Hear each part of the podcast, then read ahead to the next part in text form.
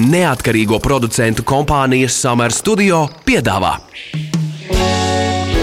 Ķepa uz sirds par viņiem, mūsu pašiem labākajiem draugiem. Raidījumu atbalsta Borisa un Ināras Teterevu fonds.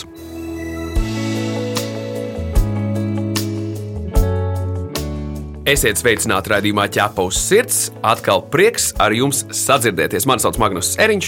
Esiet sveicināti, mani sauc Inese Kreitsberga. Nu, re, vasarā jau strauji tuvojas izskaņai, un izzinīties, tad vēl ir tas, tas teiciens, ražas laiks tuvojas. Jā, tas ir septembris, oktobris, bet nu, kāds tad ir tas ražas laiks? Un, uh, mums uzreiz jau par mūsu jomu jādomā, ja? kāds ir ražas laiks un īstā situācija dzīvnieku labturības un aizsardzības jomā. Nu, tiem, kuriem uh, ikdienā nav jāsastopas ar dzīvnieku glābšanu, iespējams, mm, tie domā, ka viss ir lieliski, jo viņi konkrēti šīs problēmas neredz. Savukārt dzīvnieku glābējiem katra diena nāk ar jauniem stāstiem un izmisumu, kurā Latvijas pusē, kur kāds ir jāizglābj. Jā, un par situāciju šobrīd, kur esam un kā varam palīdzēt, šodien sarunāsimies ar dzīvnieku patversmes ķepu ķepā vadītāju Gundegu Bideri. Esi sveicināta! Sveiki! Ķepa uz sirds jautā ekspertam. Varbūt var izstāstīt, kā tev iesākās diena un uh, kādas parasti problēmas tu dodies risināt. Nu, tā, lai aptuveni ieskicējam dzīvnieku glābēju ikdienu. Nu, diez vai var atļauties pavaļāties gultā, piemēram, tā kā es šorīt līdz kādiem 11. Varbūt arī brīvdienās tev tas pārāk ilgi nesanāk, jo nu, brīvdiena tā šķiet, ka tev nemaz nav. Ar brīvdienām ir sarežģīti. Pirmo reizi 11 gadu laikā mēģināju paņemt atvaļinājumu, bet arī tas daļai izgāzās. Bet, ja runājam par rītu, nu, šis rīts sākās ar kurioziem. Saldētava izkritusi no kontakta rezultātā pāris tonnas ar gaļu, sāka kusta vaļā. Nākamais zvans no kaķu kopējā, ka kaķēni naktī spēlējoties ir atgriezuši krānu. Rezultātā ir noplūdusi mājas pirmais stāvs. Jaunā kaķu mājā, Nē, iesvētīta. nē, nē, jaunā kaķu māja, nē, tas ir karantīnas tāpā. Tie mazuļi ir saņēmuši pirmās divas vakcīnas, un tagad gaida trešo, lai varētu pārvākties uz kaķu māju. Ar gulēšanu, nu, es varu palielīties. Es šonakt gulēju četras stundas, un tas ir diezgan daudz. Bet, nu, teiksim, kādā veidā tu risini tos jautājumus, situācijas, kuras ir aktuālas, akūtas? Vai ir tā, ka pieved pie tevis un atmet, izmet tos dzīvniekus, vai te uzzvana glābiet, bet otrā pilsētas galā? Kā tu menedžē to situāciju ar tiem ienākošiem palīdzības saucieniem? Uh, Šobrīd palīdzības saucienu ir jūra. Uz doto mirkli, uz izsaukumiem man rindā gaida ap 200 kaķiem uz uzņemšanu. Kas tie ir pa kaķiem?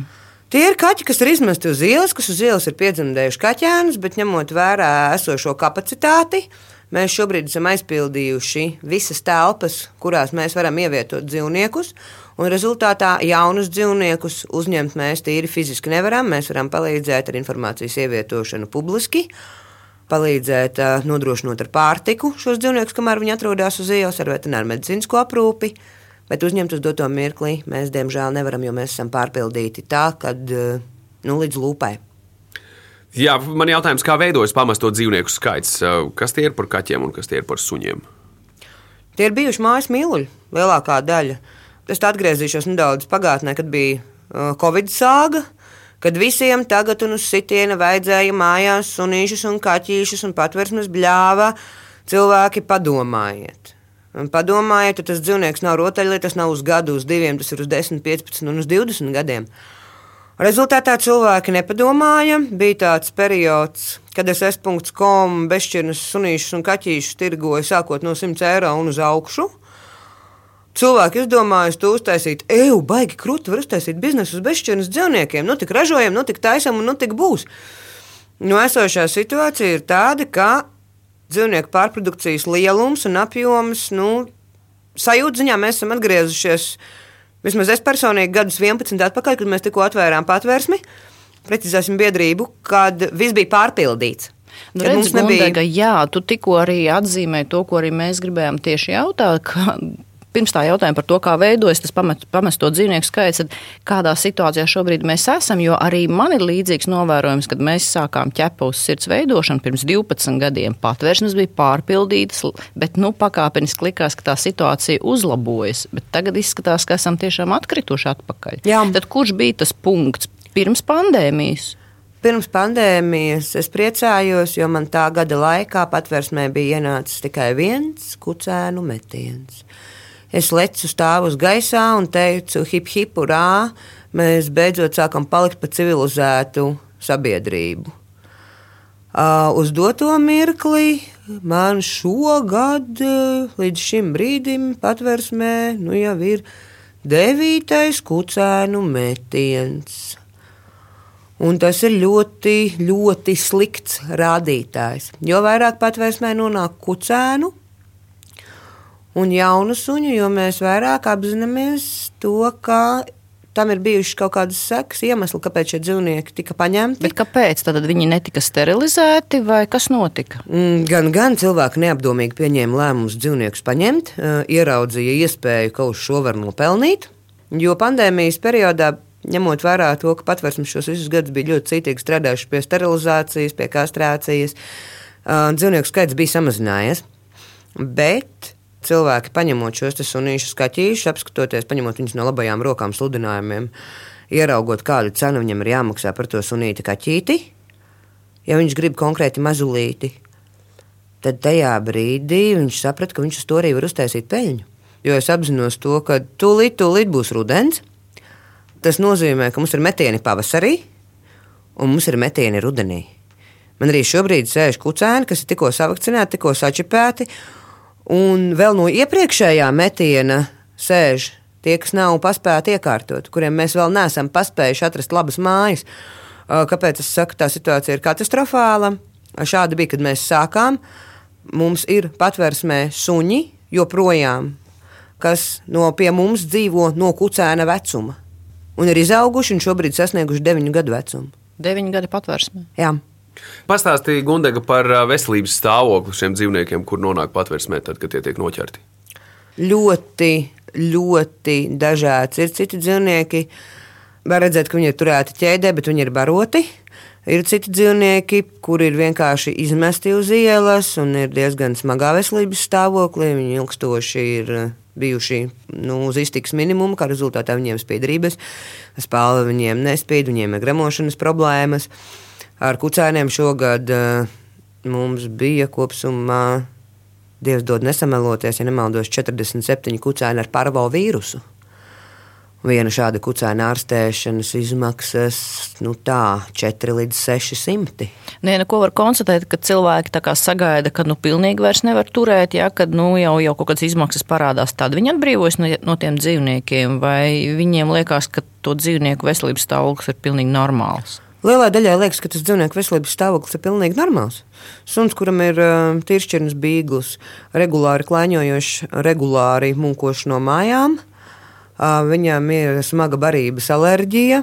Rezultātā ausīs ir malasēzijas sēne, suns visādas krāsas ir uh, siventiņa rozīgas artā. Uh, viss ir sīkās pumpiņās, bet zemnieki uzskata, ka tas ir normāli. Un to, ka suns klaņo un skrēja, bet viņš jau tepat, mēs jau laukos, nepatās, nu, tu šosei 100 metru, nu tas jau nekas.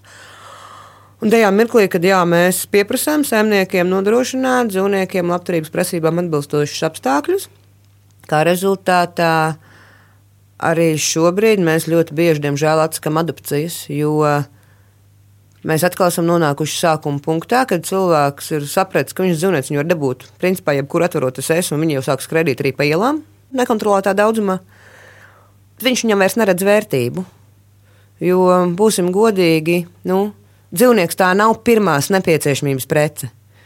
Pie esošajām cenām, pie esošās situācijas valstī ir divreiz jāpadomā, vai tu spēsi šo dzīvnieku paņemt un uzturēt. Nu, ne divreiz, bet simts nu, jāpārdomā. Es tā pieklājīgi. Tas tiesa. Kā ir Gundega vai pēc pamesto dzīvnieku skaita, to veselības stāvokļa, mēs varam kaut kādā veidā veidot tādu sabiedrības portretu, nu, mēģināt saprast, kādus dzīvniekus mēs ņemam, vai tie ģimenes ar bērniem, vai to, tie tomēr ir gados vecāki cilvēki. Ļoti dažādi. Ir gan ģimenes ar bērniem, kur ir paņēmuši sunīti no labajām rokām ar paziņojumu. Viņš jau izaugot būs maziņš. Nu, izauga maziņš uz 40 kg. Nu, paņēma septiņus mēnešus vecu kucēnu, pielika ārā ķēdē. Tas nekas, ka to juridiski darīt nedrīkst, kad uh, ministra kabineta noteikumos tas ir atrunāts. Kucēnu līdz gadam nedrīkst. Uh, desmit mēnešiem. Tātad kucēnu suni līdz desmit mēnešu vecumam nedrīkst piesiet ārā, ne pie ķēdes, ne pie saites. Un tas ir īstenībā šobrīd ļoti liels jaunums daudziem, kas šobrīd klausās. Ķepa uz sirds, suņu būda. Ir divas cilvēku grupas, kuras neko negrib saprast par dzīvnieku labturību. Viena ir tie, kas emociju iespējā no pavairotāja nopērk kā šķirnes dzīvnieku, bet e, tā kā tas ir ģenētisks brāķis un parasti izrādās slims, un tad nu, no tā mēģina tikt vaļā. Un tad ir otra galējība. E, joprojām daudzi pērk suņus, lai turētu tos pie ķēdes. Cik tādi cilvēki ir? Ļoti daudz. Par šķirnes uh, pirkšanu tas ir aktuāli, bet tas lēnu garu vismaz līdz šim bija kārtojies. Tur mēs ražas augļus varēsim sākt just. Nu, es teiktu, ka decembris līdz februāris. Nu jā, jo parasti cilvēki grib vasarā, man ir atvaļinājums, bet man to suni vajag tagad. Un tad viņi nopērk kaut ko attālu līdzīgu šķirnē. Un tad īstenībā uz Ziemassvētkiem jau parasti jau saprot, ka īsti nevajag. Jā, kā. kaut gan nē, es meloju. Pirmais aļā Haskijs pie mums ieradās aizvakar. Tik ātri jau, jā, nu, huskijs. Jā. Huskijs, jā. Bet tie, kas grib turēt sunīšu ķēdē, un viņiem vajag sargu, kas sargās desmit vistas. Viņiem vajag kādu, kas sargās viņu malkas šķūnīti, jo kaimiņš nāk viņam nozagt malku. Tas ir absurds. Mm, es godīgi pateikšu, arī mēs ievilkām piesošā suņu skaita apsardzi. Un, ja tev vajag tikai signalizācijas kustību sensoru, kas ienāk tavā vistu kūtiņā, viņu var beigli forši noregulēt. Vai kas ienāk? Tavā malkas šķūnītī. Nu, tu vienreiz samaksāji tos 28 eiro, un pēc tam tu katru mēnesi maksā 7 eiro. Nu, lūdzu, man pastāstiet, kādu suni mēs varam uzturēt par 7 eiro mēnesī? Nevienu. Nu, viņi arī netērē vairāk tam sunim. Viņš ēd to, ko, kas paliek pāri no galda. Mēs nu pat bijām Jēkabīlī, redzējām, ka 5 mēnešus mazu taksīti tur pie ķēdes. Būdas nav, ir tikai šķūnīts caurums, tur, kur var gulēt tas suns. Jā. Un mēs saprotam, jā, ka mēs saprotam, ka dotajā brīdī nav nekādas likumīgas, un es gribu uzsvērt, likumīgas iespējas šo suni šiem cilvēkiem atņemt. Viņi iznāca, tur mēs runājāmies, un viņi tur zvērēja, ka viņi ievēros tās prasības. Jo tas ir viņa privāti īpašums. Viņš tas pieder suns. Un uz mūsu jautājumu, kāpēc jums vajag suni, cilvēki atbild, es taču viņu mīlu. Pie ķēdes tiešām. Jā, pie ķēdes. Un tur bija vēl viens suns, kas jau gados vecāks, pie kā pat pats saimnieks baidījās pieiet, jo tas suns ir nikns. Es domāju, viņš jau sen ir sajūtis prātā, ko starp citu daudzi cilvēki nezina. Ja viņi tur dzīvnieku ilgi suni pie ķēdes, viņam vienkārši aizbrauc jumts, viņš sajūg prātā, viņš var tiešām arī kļūt agresīvs. Tas ir reāls fakts. Mm, jā, mēs ļoti bieži ar šo saskaramies, ka ķēdes suns pirmkārt eh, viņš ir nesocializēts, viņam ir bailes, un šī iemesla dēļ viņš ir agresīvs ja agresīvs ir 5-10 kg smags sunīts, tu vēl fiziski kaut kā vari tikt galā. Bet, tā, kad tev atved 40 plus kg sunīti, kas ir tikai divi gadi jauns, viņam visa dzīve vēl priekšā, bet uh, viņš dēļ tā, ka viņš visus šos savus divus gadus no kucēna vecuma ir pielikts ķēdē, un ķēdē arī tā ticis turēts. Uh, Jā, viņam ir aizbraucis jumts, viņam ir stereotipiskā uzvedība. Viņš nespēja iet pavadā, pavadā ejot, viņš laiku griežās cilvēkam par īņķi. Par šo ir ļoti daudz runājuši arī vetārsti, ir stāstījuši, ir bijušas publikācijas, ko dzīvniekam nodara dzīve pie ķēdes. Es nerunāšu tikai par psiholoģisko faktoru, ir jau arī fizioloģiskais. Tīri no tā viedokļa dzīvnieks nevar brīvi kustēties, viņš visu laiku sev līdzi vedā ķēdi. Pareiķināsim uz suņa svaru un uzliekam sev, tiem, kam gribās sunīšu turēt ķēdē, kaklasīgs, un uz vienu dienu pieliekam aptuveni 10 kg svara bumbu. Uh, dienas beigās es šaubos, ka kāds būs gatavs nākamajā dienā šo pasākumu atkārtot. Gundaga, bet vai Latvija ir gatava tam, kā aizliegs suņu turēšanu pie ķēdes? Un kas tad notiks ar šiem suņiem? Mm. Jo skaidrs, ka tie, kas šobrīd ir pie ķēdes, nu viņus tā vienkārši palaist vaļā arī nevar, vai ne? Vai Latvija ir gatava? Latvijai sen bija jābūt gatavai šim. Ar šo bija jāstrādā ļoti sen. Pārtiks veterināriem dienestam šeit ir ļoti smags akmens viņu lauciņā. Jo braucot pārbaudīt lielās fermas, viņi neuzskatīja par nepieciešamu pārbaudīt arī suņu un kaķu labturību. Ar to es esmu saskārusies personīgi vairākās reizēs. Kad uz fermu pie gotiņām ir atbraucis vai pie cūciņām, bet suns, kas karājās turpat blakus ķēdē, viņi nav paskatījušies, vai sunim ap kakla kaklasīkna, vai suns ir vakcinēts, vai suns ir čipēts. Nav ieinteresētības to darīt. Ne, ne, bet skaidrs, vai, vai sabiedrība, tavuprāt, ir gatava tie, kam šobrīd, kas tur tos suņus pie ķēdes, kas, kas notiks, ja pateiks, vairs to darīt nevarēs? Viena daļa mēģinās taisīt voljērus, un viena daļa šos suņus likvidēs. Atgādinām, ka pie mums studijā šodien ir dzīvnieku patvērsmes ķepu ķepā vadītāja Gundaga Bidere, un mēs diskutējam par to, kāda ir situācija labturības ziņā Latvijā. Šo radio pārraidi varēsiet dzirdēt arī podkāstu formās, populārākajās straumēšanas platformās, kā arī Latvijas radio lietotnē un arhīvu sadaļā. Tu esi mans draugs, ķepus sirds. Gundaga mēs vasarā ļoti daudz saņēmām ziņas un zvanus par daž, dažādām konkrētām adresēm, kur uh, ir novērots, ka suns ir mocībās, pie ķēdes, iekārts īsā ķēdē, karstumā, reizēm pat bez ūdens. Es gribēju pateikt paldies visiem ikvienam, kas sūtīja un ziņoja mums par šo. Paldies, ka neesat vienaldzīgi. Bet ko darīt šādās situācijās? Varbūt var izstāstīt likumīgo ceļu vēlreiz un vēlreiz pār visām reizēm. Ko darīt, kā rīkoties? likumīgais ceļš. Mēs izvēlkam savus veidtāruņus, uzņemam video, pieejam pie šī dzīvnieka, cik tuvu mēs varam pieiet, lai varētu nofilmēt, kas šim dzīvniekam atrodas bļodā, kas viņam bļodā neatrodas. Mēs nekavējoties, kā esam nofilmējuši šo video, zvanām pašvaldības policijai. Pašvaldības policijai atkarībā no tā, ko mēs redzam, mēs norādām, vai nu šie ir ministra kabineta numur 266 noteikumu pārkāpumi vai arī, ja dzīvnieks tiek spīdzināts, viņam jau ir gūtas traumas. Fiziski uh, var redzēt, vai viņam ir audzēji, vai viņam tek asinis, vai viņam kakls siksna vai ķēde ir ieaugusi kaklā, vai viņš pie ķēdes ir laustu kāju. Tajā situācijā mēs saucam valsts policiju, un valsts policijai sakām, mēs šeit redzam ministra kabineta 230. panta pirmās daļas pārkāpumus. Uh, šie ir tie burbuļu vārdi paralēli, jo cīņa ar birokrātiju ir ļoti smaga, lai kaut ko reāli panāktu. Es iesaku zvanīt dzīvnieku aizsardzības organizācijām, masu mēdījiem, pārtikas veterinārajam dienestam un katru šo gadījumu celt gaismā. Jo kamēr um, mēs zināsim, ka tur kaimiņiene nebaro savu sunīti vai kaimiņienes līdzina kucēnus un kaķēnus, kamēr mēs kā sabiedrība paši nesāksim rīkoties, mēs varam necerēt uz jebkādu instanču darbību. Nu, nelikumīgos veidus mēs stāstīt nevaram, jo tas ir nelikumīgi. Ja? Bet nu, vienīgi apkopojot dzīvnieku draugu pieredzi citās valstīs, arī ļoti attīstītās, starp citu, visur kā pats efektīvākais risinājums tiek minēts konkrēta dzīvnieka nozakšana. Jā.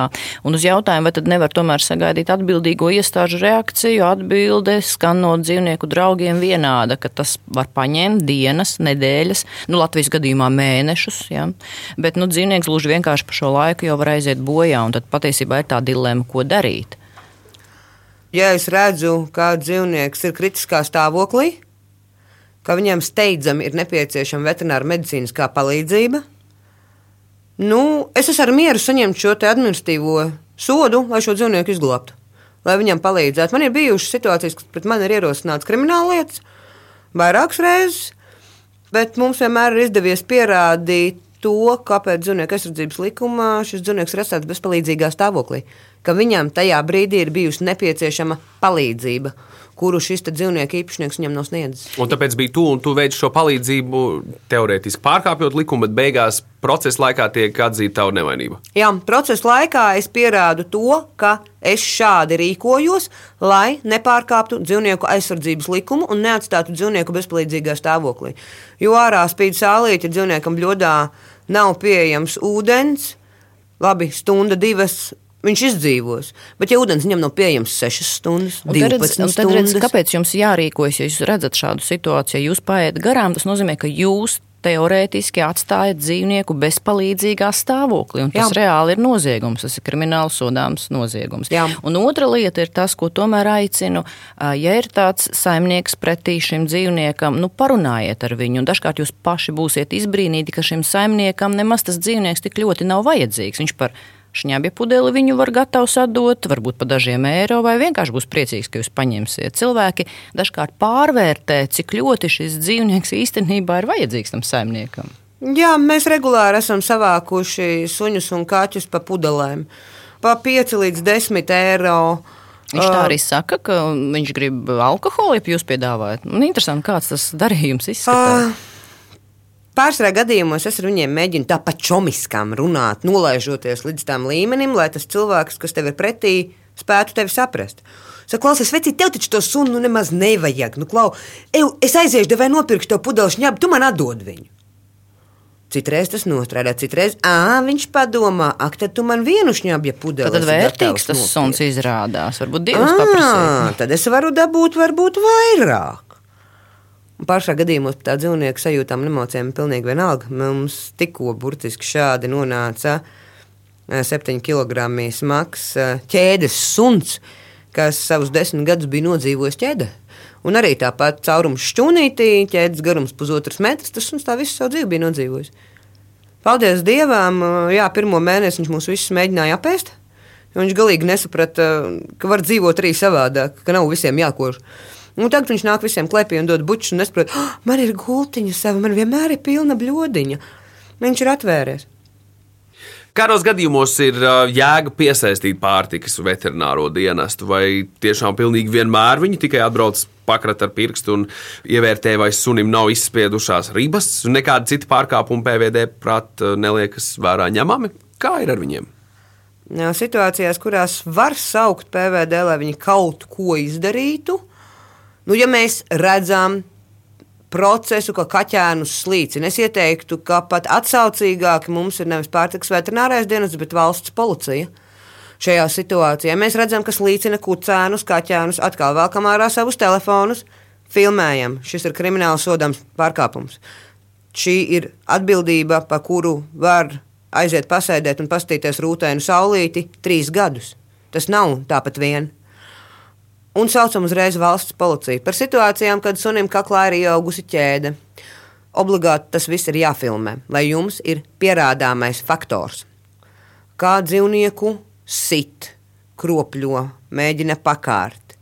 Kad dzīvnieks paliek bezpalīdzīgs, teiksim, atstāts uz balkona, kas ir pēdējā laika tops, jo sunīts saka, mājā demolē, nav tik laika bijis audzināt. Tādās situācijās ir jāzvana ugunsdzēsējiem un jāzvana valsts policijai, bet pirms tam ir jāprunājās ar visiem kaimiņiem un no kaimiņiem jāsavāc paraksti.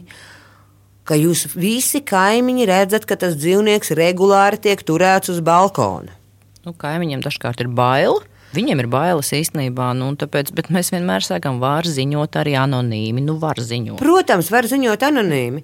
Es ieteiktu visiem kaimiņiem savstarpēji nu, sarunāt. Pietiks arī no mājas, kurā ir desmit dzīvokļi, pietiks arī, ja pieci parakstīs papīru ka viņi redz, ka tam dzīvniekam tur ir slikti. Bet tagad uzreiz tāds jautājums. Cilvēks redz to netaisnību, viņš redz konkrētu dzīvniekam vajadzīga palīdzība, bet viņš saprot, ka viņš sev to dzīvnieku paņemt nevar, un tāpēc viņam automātiski liekas, nu kur ta es varu palīdzēt, bet cilvēks īsti nesaprot, ka viņš var daudz palīdzēt, pat arī neņemot šo dzīvnieku uz sev. Varbūt mēs varam uzskaitīt, kā cilvēks var palīdzēt, ja viņš nav gatavs palikt vienaldzīgs, bet nu sev viņš nevar paturēt to suni vai kaķi. Kā var palīdzēt? Jūs varat ziņot, jūs varat filmēt, jūs varat informatīvi nodot šo informāciju gan policijai, gan dzīvnieku aizsardzības organizācijām. Jūs varat par šo informāciju ielikt masu mēdījos, jūs varat lūgt sabiedrības atbalstu, jūs varat lūgt atbalstu no kaimiņiem, kas šeit riņķī ir atbalstu patvērsmēm, atbalstu biedrībām smagās situācijās, lai arī cik pārpildīts nebūtu patvērsmes, viņas reaģēs. Ja jūs... Suņu kaķu mīļu grupa arī galu galā varat rakstīt, zvanīt ķepai uz sirds. Arī mēs katru, katru, katru gadījumu izvērtējam un vienmēr arī atrodam risinājumus, kā varam palīdzēt konkrētā gadījumā. Galvenais ir nepalikt vienaldzīgiem. Jā, tas ir vissvarīgākais - spēt saglabāt cilvēcību un neatstāt tās situācijas pašplūsmā. Mēs esam šobrīd augusta vidū, Gundega. Kādu tu prognozē rudeni, kādu tu prognozē ziemu? Uh, Ne laikapstākļu ziņā, bet uh, tīri no dzīvnieku ziņā saistībā ar to uh, pieplūdumu patversmēm. Es skatos ar šausmām, es uh, skatos ar ārprātu, jo es ļoti labi apzinos, jau uz doto mirkli man ir 127 suņu patvērsmē. Uh, un adopcijas ir ļoti maz, bet dzīvnieku nāk tikai klāt. Es rēķinos, ka ziemā šis skaits varētu būt savi 150 līdz pat 200 suņiem. Apzinoties esošo situāciju, kaķiem esam iekārtojuši, tūlīt būsim pabeiguši vēl divas mazas telpas ar karantīnas būriem. Jo situācija tiešām ir katastrofāla, un arī finansiālā situācija, atļaušos teikt, ka visām Latvijā esošajām patversmēm un organizācijām ir katastrofāla, jo uzņemto dzīvnieku skaits krasi palielinās. Kā rezultātā arī palielinās veterinārmedicīniskās izmaksas, atalgojums darbiniekiem par papildus darba slodzi un arī barības izmaksas. Nu, bet noslēgumā mūsu sarunas, nu, tomēr kā mēs varam palīdzēt jums, dzīvnieku glābējiem, dzīvnieku patversmēm, jo jūs tomēr katru dienu glābjat. Kā mēs varam tātad ziedojot? Vislabāk, protams, ir ziedojot naudiņu, jo patversmes darbinieki zina, kur vis, visakūtāk šī problēma ir izcināma. Bet kā ar brīvprātīgo darbu? Vai pie jums var braukt brīvprātīgie, un vai viņi palīdz nevis traucē? Kā Mēs ir? šobrīd ļoti gaidām brīvprātīgos, kas varētu vest staigāt suņus. Un otrs punkts, mēs ļoti gaidām šobrīd brīvprātīgos, kas ir gatavi no mums paņemt ķerambūrus, braukt uz konkrētām adresēm ar savām mašīnām, palīdzēt, izķert un sterilizēt kaķus. Tās šobrīd ir tās divas lietas no, tie, no brīvprātīgā darba, kas ir ļoti aktuālas. Kur mēs, eh, jo mēs saņemam ziņojumus, tur jāizbrauc, tur jāizbrauc, tur jāizbrauc. Katru dienu mums ir vidēji 3 līdz 5 ziņojumi, kur ir nepieciešams sterilizēt kaķus. Fiziski mēs esam trīs cilvēki, kas to dara uz maiņām, un šie izsaukumi uz doto mirkli palielinās un palielinās un vēl vairāk palielinās. Bet, nu, tātad ziedot var, jā. Tātad, principā, varbūt nu, var minēt kaut kādu konkrētu lietu, kam visakūtāk vajadzīgs, vai varbūt minēt, cik izmaksā viena suņa vai kaķa uzturēšana dienā, lai cilvēki saprotu, ka katram eiro ir nozīme, vai tie pieci vai desmit vai vairāk, nu, tomēr būtu jauki, ja ir šī iespēja ziedot. Varbūt var minēt apmēram kādas izmaksas, kur ir. Vidējās izmaksas tikai barībām, uzturot suni un kaķi, lai nodrošinātu tātad viņiem barības bļodiņu, ūdens bļodiņu. Uz suni tie ir vidēji 2 eiro dienā, uz kaķi tie ir pusotrs eiro dienā. Vēl klāt šim ir jārēķina veterinārmedicīniskās izmaksas, kas ir ļoti svārstīgas. Tie var būt no 15 eiro mēnesī līdz pat 500 un 700 eiro mēnesī uz konkrēto dzīvnieku, atkarībā no viņa veselības problēmām un atkarībā no tā, kādā stāvoklī tas dzīvnieks pie mums ir nonācis. Vēl izmaksas, protams, ir visiem zināmās - elektrība, tā pati miskastes izvešana un darbinieku atalgojums, jo būsim reāli, divas sievietes jau nevar apkopot vairāk kā simts suņus un vairāk kā simts kaķus ikdienā. Tas eh, ne no juridiskā ir iespējams, ne arī no fiziskā. Nu, ko Gundaga spēku un izturību jums palīdzēsim, cik mēs visi varam. Katrs var pa mazumiņam, un tad kopā jau uzvarēt var tās sliktās lietas un sliktās dienas. Tieši tā, paldies par sarunu. Paldies par kārtējo reizi, kad jā, parādīja patieso ainu šajā situācijā, lai tev burvīgi atlikusī diena. Savukārt mēs sakām lielu paldies visiem mūsu klausītājiem. Tas ir arī viss. Visur kopā - ķepus sirds. Bet atgādinām, ka ķēpos sirds TV sezona atsāksies jau pavisam drīz Latvijas televīzijas pirmajā kanālā jau no septembra ierastajā laikā un vietā. Mēs arī gaidīsim jūsu jautājumus, ierosinājumus, idejas, sižetiem. Rakstiet mums uz info atķepaus sirds LV. Bet šajā raidījumā tas ir arī viss. Mani sauc Inese Kreitsberga. Mani sauc Magnus Eriņš. Raidījumu veidoja neatkarīgo producentu kompānija Summer Studio. Visu labu! Atā! Ķepa uz sirds. Informatīvi izglītojoši raidījums par dzīvnieku pasauli un cilvēkiem tajā. Raidījumu atbalsta Borisa un Ināras Teterevu fonds.